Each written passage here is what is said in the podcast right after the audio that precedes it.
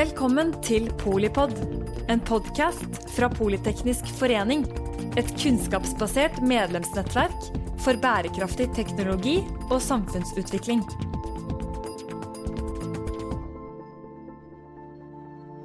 Um, Blokkjedeteknologi det kobler vi jo først og fremst til kryptovaluta, og uh, utgangspunktet var vel egentlig bitcoin. Uh, men jeg har lyst til å snakke litt om blokkjedeteknologi som teknologi um, før vi trekker inn kryptovaluta. Uh, teknologier er jo ofte nøytrale i seg selv, og så er det anvendelsen av teknologien som avgjør om den er god eller om den er dårlig. Og når vi skal begynne å snakke om blokkteknologi, så tenker jeg at blokkjedeteknologi Eh, så tror jeg vi må begynne helt, helt på bunnen. Um, hva er egentlig blokkjedeteknologi, Tom? Oh, jeg håpet at du ikke skulle spørre om det. Nei, altså Men, men eh, eh, jeg, altså, jeg, har forsøkt da, å ødelegge, ødelegge hodet mitt på liksom, å grave ned i dette siden jeg møtte bitcoin første gang i 2009.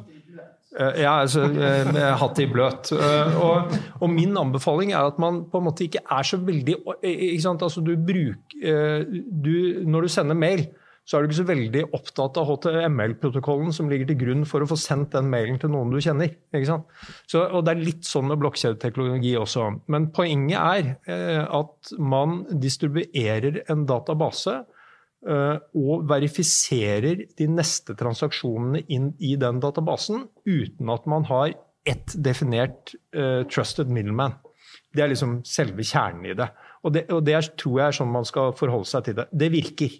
Uh, og så er det er det ofte sånn, altså litt avhengig av hvor mange transaksjoner, litt avhengig av hvor mange mennesker eller hvor mange datapunkter som skal være med å verifisere den neste blokka i databasen, altså den oppdaterte versjonen av hele databasen, så koster det bare mer penger i form av mer strøm. Liksom. Altså fordi at det er så mange som Fordi det er to la, la, oss si Det, det, det fins to måter å verifisere liksom, den neste uh, blokka på. Det er det som heter proof of work som liksom handler om at alle som har lyst til å være med og gjette på hva koden på den forrige blokka er, for å få lov til å mine den blokken og sende den ut uh, som blir verifisert av de andre som er med i dette nettverket. Uh, jo flere som er med, jo, jo, jo, mer datakraft må man være for, det, for den som gjetter det først. Det er, det er, og det er proof of work, og det er det de bruker i bitcoin-systemet. og Det er derfor vi leser i avisen om at, uh, at uh, bitcoin-systemet nå bruker fryktelig mye energi. Så har man en annen måte å gjøre det på, det er det som kalles proof of stake. Det betyr, Da sier man vi tar de som eier uh, mest stake i denne databasen.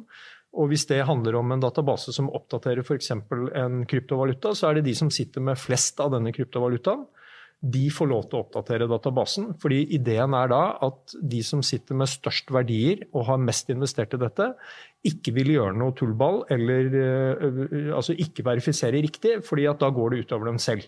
Så det er liksom to forskjellige måter man oppdaterer sagt veldig naivt, sånn blokkjedesystem på.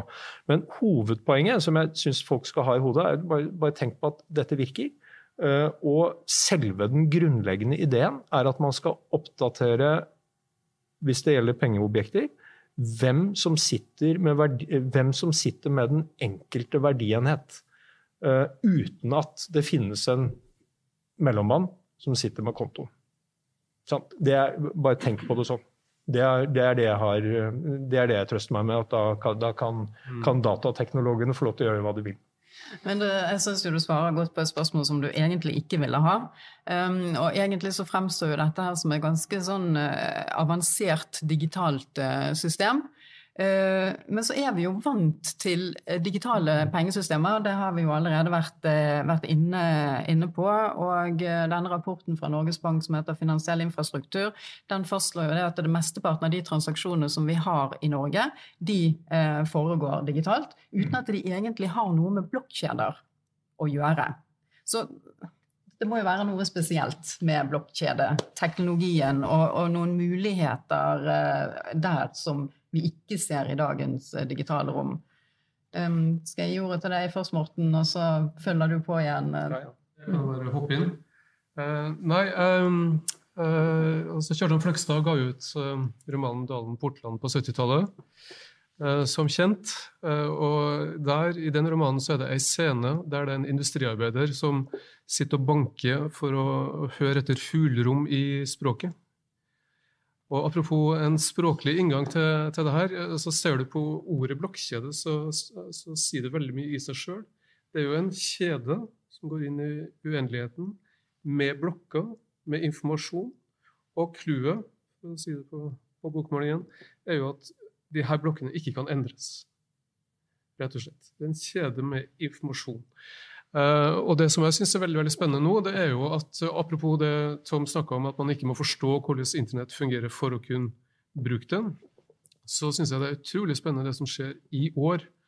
Uh, nemlig at du har fått dette fenomenet med såkalte non-fungible tokens. altså um, Eh, eh, et fenomen eh, bygd på blokkjedeteknologi som, som inneholder informasjon f.eks. om uh, kunst, musikk, det ene med det andre, som jeg egentlig tror uh, nå representerer et gjennombrudd for, for blokkjedeteknologi som teknologi mer allment, fordi det har blitt så populært. Det, har, det er så det til de grader i, i vinden. Og alle har vel fått med seg at det var en investor basert i Singapore som kjøpte en sånn token for 69 millioner US-dollar. Han var intervjua i Financial Times nå på, nå på lørdag. Eh, sånne stunts tror jeg også bidrar til mer oppmerksomhet og merksomhet rundt den underliggende teknologien, som stadig flere nå tenker at ja, men det her har jo utrolige bruksområder, akkurat som internett hadde i sin tid. Så jeg tror eh, 2021 blir et slags sånn Rubicon-år, kanskje man går over Rubicon. Som jeg for øvrig har gjort eh, rent faktisk i Italia. for fem år siden. så hva tenker du om blokkjedeteknologi og potensial? Jeg, jeg, prøver å følge med så godt jeg kan, for å si det på den måten. Jeg har ikke, ikke, ikke fulgt dette så grundig og tett som Tom. Men altså, banken, i tråd med den, den, den anerkjennelsen som Tom ga disse rapportene som jeg har kommet med, utredninger rundt digitale sentralbankpenger. Vi har folk som, som, kan dette godt og følger godt med på dette. Og når vi utreder digitale varianter av digitale sentralbankpenger, så, vi, så, så, så, har vi muligheten til å utnytte ja, varianter av denne teknologien. Da. Det er, det er kryptografi som er, sånt, som er en kodifiseringsmetodikk som, som, som, ligger inne i bl.a. blokkteknologi her.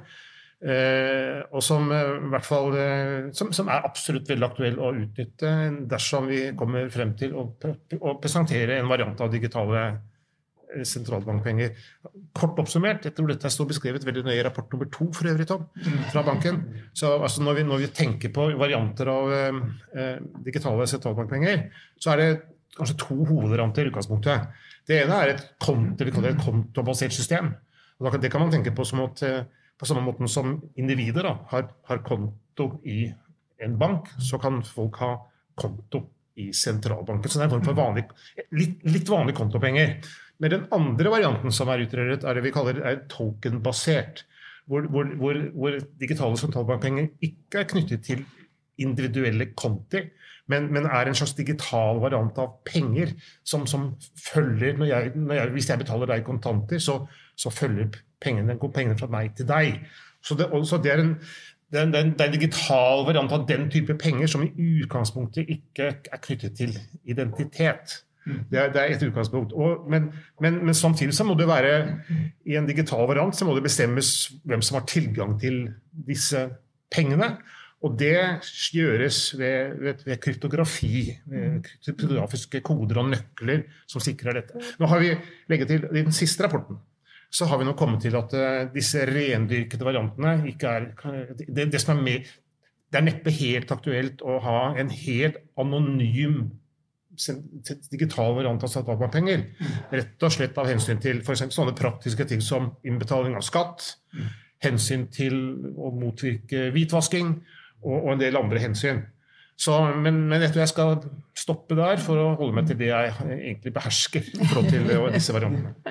Jeg, bare, jeg, jeg, opplever at vi må jeg tror, jeg tror vi må sette liksom dette kryptodyret i, i, en eller annen slags kontekst.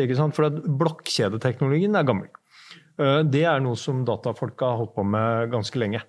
Det som skjedde, og det som er det spennende og nye, det er jo at jeg tror, jeg tror, man må innrømme at frem til Jo nærmere vi kom finanskrisen, jo mer ble internasjonal finansvirksomhet et selvspillende piano. Det var, eh, det var, tidvis utstedt produkter hvor ingen til slutt visste hvem som satt på risikoen. Det var utstedt for mye kreditt. Eh, eh, altså man grep ikke tilstrekkelig tak i dette. Og så, da, så gikk da Lehman konkurs, og hele verden frøs til. Uh, og det er jo foranledningen. Uh, og så gjorde man en ting til. ikke sant? Uh, I USA så, så gikk staten inn, og så reddet man deler av, eller store deler av den amerikanske finansvesen. Og toppsjefene i en del amerikanske banker betalte hverandre milliarder i bonus fordi de hadde vært så flinke. Uh, og, dette er mye av foranledningen til at dette Satoshi Nakamoto, uh, pseudonymet, som har skrevet whitepaperet som ligger til grunn for bitcoin, faktisk kom i januar 2009. Det syder av mistillit mot en etablert finansverden. Så veldig mye av den bitcoin-fansen som man ser rundt omkring, de har dette med seg de har mistet tillit til etablert finansverden, og de har mistet tillit til institusjoner. Eh, og Det syns jeg kanskje er det mest alvorlige her. Eh, og så ønsker de å skape et monetært system på utsiden av det regulerte systemet. Det er mye av motivasjonen. Eh, og så argumenterer man med at Eh, man her gir, og det er for så vidt et godt argument, man gir uh, tilgang til uh, digitale penger til ca. 2,5 milliarder mennesker i verden som ikke har det. Så det er jo store land som har spilt fallitt, hvor pengevesenet altså El Salvador for eksempel, har jo nå innført bitcoin som en legal tender. Det betyr et lovlig betalingsmiddel i landet. Gjort av myndighet. Men så, så, etter 2009 da, så har jo bitcoin gått opp og ned og frem og tilbake og, og sånn. Men har, vi, verden sitter nå med noe sånn type 10 000-11 000 pluss ulike kryptovalutaer. Eh, de er verdt, eh, tidvis er de verdt like mye som, eh, som, eller, som litt under halvparten av det norske oljefondet, og tidvis er de verdt mye mer, hvis man summerer opp dette. Veldig mye av de 10 000 pluss er useriøst, svindel, rusk og rask. Men kjernen en del av dette. Jeg tilhører de som tror at dette er kommet for å bli. Jeg tilhører de som tror at vi ikke blir kvitt bitcoin. Eh, og eh, alle, hvis noen ser dette og har bitcoin og er fans, så jeg mener ikke kvitt bitcoin, men jeg tror at bitcoin kommer til å være med oss videre. Jeg tror Eter kommer til å være med oss videre. Det er et blokkjede med en verdienhet som det er veldig Dette kan Morten snakke mer om forholdsvis enkelt å programmere nye tjenester på. Og så ser vi rundt omkring i verden nå det det blir investert kanskje mest penger i, det er såkalt desentral finans. Det betyr at det fins fryktelig mange aktører i verden som bygger finansielle tjenester basert på disse verdiobjektene, som bitcoin, som eter, som teter, som en del andre.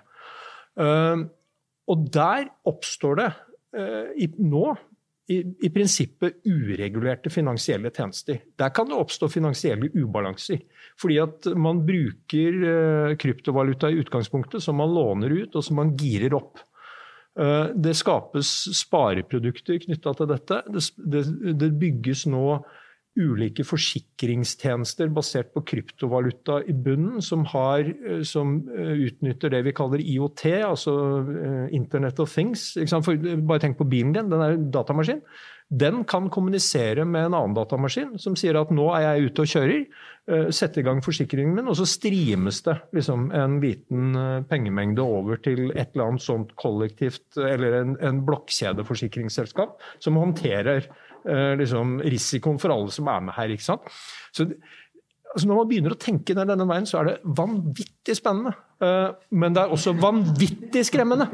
Fordi, eh, i hvert fall for oss som liker å bo i en stat der vi stoler på at demokratiet har kontroll og legger rammer og sånn, så er det litt skremmende å se at det fins det er en ganske stor gruppe mennesker som ønsker å flytte veldig mye av det vi er kjent med som det finansielle systemet, utenfor regulert kontroll. Uh, og det er kanskje det som på en måte uh, Jeg mister ikke nattesøvnen, men, men, det er noe av det jeg tenker mest på oppi liksom, fremveksten av kryptovaluta og, og, og, de nye pengene som vi på en måte tenker oss skal komme. Jeg er ikke bekymret for at sentralbanken kommer med en digital sentralbankpenge. Altså, som, altså, for, no, for bankene kan det være litt utfordrende og problematisk, og alle sånne ting. men det er noe Stortinget og vi som tilhører et demokrati, til slutt skal bestemme. Men det bekymrer meg litt at noen faktisk forsøker å lage finansiell infrastruktur utenfor all global kontroll. Eh, og dette har også geopolitiske eh, refleksjoner i seg som, som jeg ikke tror vi rekker å komme inn på her, men som er superinteressante. Altså, Vi er jo litt tilbake igjen til eh, kanskje noe av det vi begynte å snakke om når det gjaldt dette med tillit. Og, og Tom tok oss med tilbake igjen til finanskrisen 2008 og mangel på tillit til etablerte finansinstitusjoner. Men spørsmålet er jo liksom, kan dette likevel erstatte det som er det pengesystemet som vi kjenner i dag? Kan det bare gå inn eh, og overta? Um, I dag så vet vi at det er ca. 300 000 nordmenn som har investert i kryptovaluta. Og da bruker jo jeg ord som investor og investering. Um, og det er jo fordi at det er kanskje det inntrykket de fleste av oss sitter med når det gjelder kryptovaluta i dag, det er at det er en, et investeringsobjekt. Og hvis det er et investeringsobjekt, kan det da liksom uh, rokke ved det betalingssystemet sånn som vi kjenner det, eller er det eh, ikke først og fremst et investeringsobjekt? eh. Det har jo vært litt innom det allerede. Se på deg, Morten, eh, først. Ja, jeg kan jo komme med et lite vitnemål. Eh, jeg har nemlig jeg har, Ja, faktisk. Jeg, har kjøpt Eter i år uh, for å være aktiv på denne, dette nettstedet svalbard.money. Og, og eh, eh, for det første så fikk jeg en, en sånn helt annen estetisk opplevelse av penger. Og da er jeg utrolig glad i, i den nye seddelserien til sentralbanken, med kysten og havet som, eh, som rød våt tråd. Altså, virkelig et høydepunkt, også rent sånn mm. estetisk, jeg må si det. Uh, Sjøl om jeg likte 50-lappen med, med Vinje i sin tid. Men, uh, men, men eter uh, ga meg en helt annen estetisk opplevelse av penger, for det, det er helt abstrakt. Og det, det er bortenfor lov og orden, hadde jeg nær sagt. Det, det, er bortenfor stater, bortenfor institusjoner. Det, det er bare underliggende kode. Eh, så jeg fikk en helt annen pengeopplevelse av å, å kjøpe eter, bruke eter. Um, det er det ene. Um, så hadde jeg et poeng til som nå forsvant i min fascinasjon for, uh, for pengenes estetikk. Så da må jeg ta en liten tenkepause. Jeg må legge hodet i bløt på nytt. Jeg vil jo høre litt fra du, Øystein. Jo, jo, jeg følte meg yngre. Mm. Ja, det er viktig poeng. Det skjønner jeg. Glemt ja, å si. Øystein. Altså, hvis du spør meg, hvis spørsmålet er om dette vil erstatte på en måte, eller kan erstatte dagens pengevesen, så er mitt korte svar veldig klart nei.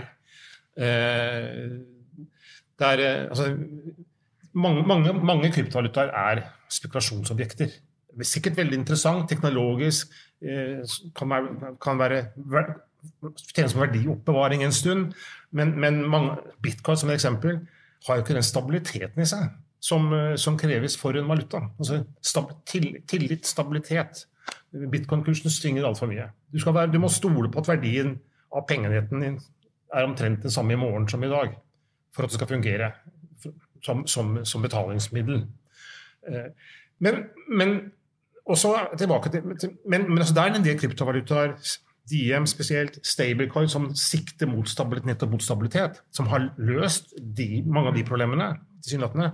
Men fortsatt så vil jeg da hevde veldig sterkt at selv om Facebook er stor, stabil sikkert, vil være med oss lenge og vel altså det, er, det er vanskelig å tenke seg at du skal ha samme tillit til Facebook som til, et, til summen av dagens pengevesen og sentralbanken. Så igjen, det står ikke en sentralbank bak og virkelig garanterer fra A til Å og til enhver tid. Og, og, også Det er en grunn til at jeg mener at svaret er nei. Men, men samtidig så må sentralbankene være, være, på hugget, være offensive. til, Vi kan ikke bremse utviklingen. Vi kan ikke hindre at disse valutaene vokser frem. Og hvis vi er passive, så kan de få, kan de få ta en større plass og rolle enn det som er eh, riktig. Eh, og igjen da er jeg tilbake til bakgrunnen for at vi må være offensive. Og vi må komme med vårt digitale eh, alternativ eh, en gang i fremtiden, tror jeg. Men, men eh, vi, vi, må nok leve med mange kryptovalutaer, private valutaer, eh, så lenge kroner backet av sentralbank dominerer, så sikrer vi tillit. Vi sikrer at varer og tjenester som du handler med, er, er, er målt i samme, samme, enhet, kroner. Det er Jo, altså hvis, hvis, vi tenker at det skulle bli en likebehandling og likeverdige valuta rundt omkring, så blir det veldig krevende å kjøpe en kopp kaffe. For du, den kaffekoppen vil være priset i kanskje et titalls eller kanskje hundretalls valutaer. Eh, og igjen så tror jeg vi er inn i en verden som vi ikke ønsker oss. Hvor ting er mindre effektivt, mindre oversiktlig og mindre stabilt. Det er fristende å gå veldig langt frem og så si det at um, kanskje vi på et tidspunkt får tillit til et felles globalt anker som gjør at vi, vi liksom mister For dette med tillit har jo også utviklet seg over tid. Så da forsvinner kanskje de lokale valutaene, og så har du en felles global uh, anker. Men jeg tror ikke vi har tid til å gå dit i dag, uh, så det kan vi eventuelt komme tilbake igjen til. Men Tom, du hadde også en kommentar. Følge opp uh, sentralbanksjefen, for jeg, jeg, jeg er jo enig i alt han sier. Um, og det er ikke noe menn der, men Det var et menn der. Um, uh, altså, jeg leser verden litt sånn at den har skilt seg i to leire. Det er, de som, det er de som på en måte avviser fremveksten av kryptovalutaer som noe som kommer til å bli borte. Og så har du liksom helt på den andre siden så er det de som er hellig overbevist om at nå har vi endelig funnet et system som kommer til å ta over hele verden. Eh, min holdning til dette, sånn at jeg ikke liksom blir misforstått, er at jeg har forsøkt å ligge i midten og tenke hvis det er sånn at noen kommer til torget med noe som er bedre enn det vi har, eller mer effektivt enn det vi har, eller på, på en måte har noen andre attributter. Og en av attributtene som man også diskuterer med digitale sentralbankpenger, er jo noe vi aldri har hatt før, nemlig programmerbare penger. Penger som kan uh, gjøre ting av seg selv. Det kan være enten at de kan gjøre automatiske betalinger. At det er programmert inn i pengene at når dette skjer, så skal du gå dit. Eh, eller det kan være penger som har andre attributter, f.eks. penger med utløpsdato. Altså man kan tenke seg i noen situasjoner i noen land at man ønsker å gi innbyggerne eh, helikopterpenger for å komme over en krise, men hvis du ikke har brukt de pengene på to uker eller et halvt år, så bare forsvinner de pengene. Det er den type attributter man kan legge inn i penger.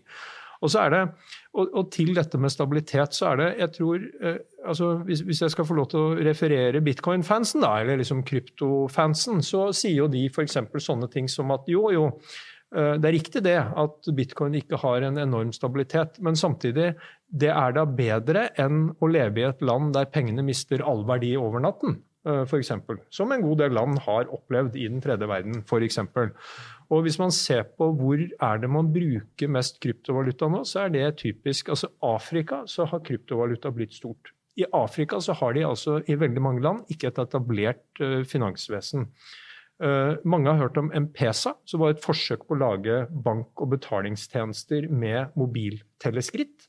Altså Man kunne kjøpe mobilteleskritt med kontanter, og så kunne man sende de mobilteleskrittene til en annen mobiltelefon ute på landsbygda, til mor og far og sånn. Og så kunne de eh, veksle inn mobilteleskrittene for å få kontanter.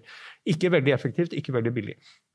Uh, men der har man altså gått rett fra liksom, veldig mange steder en finansiell infrastruktur til eh, bitcoin på wallet Som gir de en verdioppbevaringsmulighet, som gir de en mulighet til å sende uh, penger til en annen uh, mobiltelefon.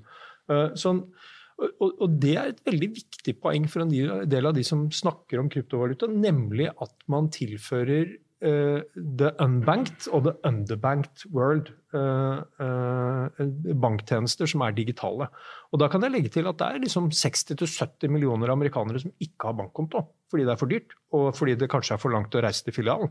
Uh, altså Vi tror at Amerika er et uh, seriøst og velutviklet land, men, uh, men, på mange områder så er det ikke det. Og, og, så, så, også i Amerika så er liksom kryptovaluta blitt ganske svært. Og det siste jeg har lyst til å si, det er at kryptobørsen Coinbase, som nettopp ble børsnotert, ble altså børsnotert til 650-700 milliarder norske kroner. Så altså, det er noen verdier her i velutviklede land, som jeg ikke syns vi skal helt glemme. Og um, Tom, du er inne på veldig mange temaer som um, jeg tror uh, kan rettferdiggjøre en hel sending i seg sjøl. Um, vi begynner å nærme oss tidspunkt for å gå inn for landing. Jeg kunne egentlig tenke meg avslutningsvis egentlig å høre dine betraktninger, Øystein, uh, rundt det vi ser av trender i dag, og det som vi har snakket om uh, her i dag. Ehm, hvordan ser du for deg Norges Bank sin rolle eh, fremover? Du har vært litt inne på det, men hvis du skulle gi noen betraktninger rundt det? Ja, vi, vi, vi, vi legger vi arbeider jo være en, å utvikle oss som en moderne sentralbank eh, langs de dimensjonene som vi har vært inne på. Vi har utredet eh, veldig seriøst, vi går videre med å utrede varianter av digitale sentralbankpenger. Når jeg har fremhevet at vi har et effektivt system, betalingssystem, eh, så har jeg også sagt at vi er hele tiden i samarbeid med næringen i ferd med å utvikle, utvikle tjenestene. Også den grunnleggende infrastrukturen hvor vi har en rolle. Raske betalinger, altså realtidsbetalinger med umiddelbart oppgjør for ikke bare beskjedne beløp for privatpersoner, men også for foretak. Store mangler. Vi, vi har prosjekter på det. Eh, betalinger på tvers av landegrenser eh, altfor kostbart, altfor vanskelig. Eh, det må løses. Det er eh, den moderne verden i ferd med å utrede, og det fins alternativer der. Eh, så, også, jeg er helt enig i det Tom sa nå i forhold til grunnlaget for at disse kryptovalutaene kan få vokse frem i, i land og steder hvor, de, hvor, det, hvor, det, er store mangler ved betalingssystemet. Det, det, er alvorlig. Eh, så, så vi, sentralbankene må være, må være, offensive her eh, og, og, følge med. Men eh, jeg tror hvis man tenker seg at det, at det vi har nå som system skal erstattes av, av det som vokser frem av kryptovalutaer, så er, er, det mange flere problemer på den fronten som jeg har vært tydelig på, tror jeg. Mm. Det er jo veldig bra å høre at vi har en sentralbank som, eh, som ser at uh, her er det utfordringer fortsatt fremover, og tar tak i og jobber med det, og også er veldig bevisst uh, på fremveksten av det vi ser rundt oss. Um, vi har uh, gjennom en time nå bare egentlig skapt i overflaten på et veldig komplekst og omfattende tema, um, som i bunn og grunn handler om penger, der vi begynte. Um, vi håper at dere som har fulgt oss, har fått ny innsikt. At dere har fått utvidet perspektivene deres noe på fremtidens eh, pengesystem. Eh, og aller helst at dere sitter igjen med enda flere spørsmål kanskje enn dere hadde når dere kom hit i dag, og mer nysgjerrighet på tematikken. Så gi oss gjerne tilbakemeldinger på eh, det arrangementet som dere har vært med på i dag, og hvordan vi eventuelt kan følge opp med å dykke dypere ned i deler av det vi har eh, snakket om. Eh, publikum kan også få mer innsikt i dagens tematikk ved å gå inn på svalbard.money, som Morten allerede har nevnt. Så da gjenstår det bare for meg egentlig å si tusen takk til Øystein Olsen Tom Stovi og Morten Søberg. Og tusen hjertelig takk til alle dere som har fulgt oss. Takk for at du lyttet til Polipod fra Politeknisk forening. Få med deg flere episoder, eller bli med på nettverksmøtene som du finner på at polyteknisk.